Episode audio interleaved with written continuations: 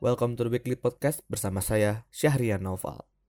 Diproduksi di Jakarta, Rabu, 3 Desember 2018. Kali ini, di The Weekly Podcast, kami akan membacakan dua topik terkini, yaitu YouTuber terkenal Logan Paul mengupload konten video yang mengandung unsur bunuh diri. Selanjutnya, Televisi Republik Indonesia atau TVRI kembali menunjukkan jati dirinya dalam dunia penyiaran. Kami mulai dengan topik pertama. YouTuber terkenal Logan Paul mengupload konten video yang mengandung unsur bunuh diri. Ini dibuktikan pada tanggal 2 kemarin, Logan Paul mengupload video awareness mengenai bunuh diri. Namun, terjadi kesalahan di mana Logan Paul melakukan perekaman terhadap jasad seorang pria yang bunuh diri di sebuah hutan bunuh diri di Jepang. Logan yang semestinya mengupload video mengenai vlog yang menyenangkan berdasarkan laporan dari dailymail.co.uk Logan Paul semestinya mengupload vlog konten awareness mengenai orang bunuh diri.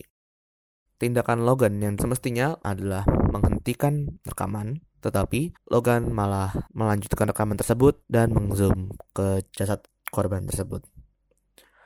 Banyak respon dari internet bermunculan terutama di Twitter tentang tindakan Paul yang ceroboh ini.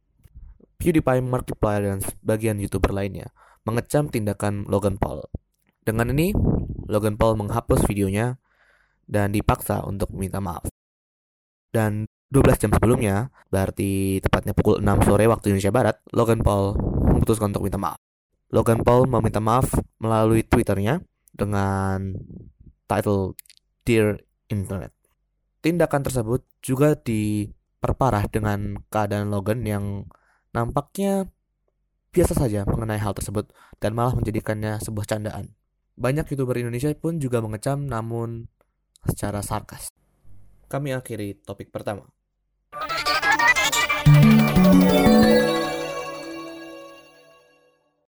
Selanjutnya, kami bacakan topik kedua. Televisi Republik Indonesia atau TVRI kembali menunjukkan jati dirinya dalam dunia penyiaran.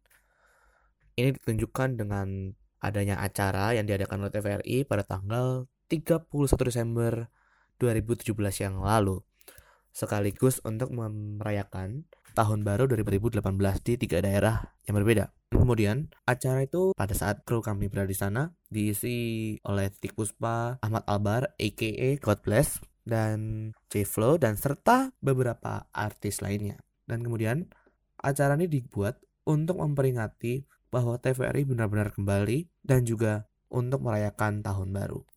Acara diadakan di Jakarta tapi juga diadakan di uh, Bali di mana Navikula juga melakukan konser di sana dan disiarkan oleh TVRI.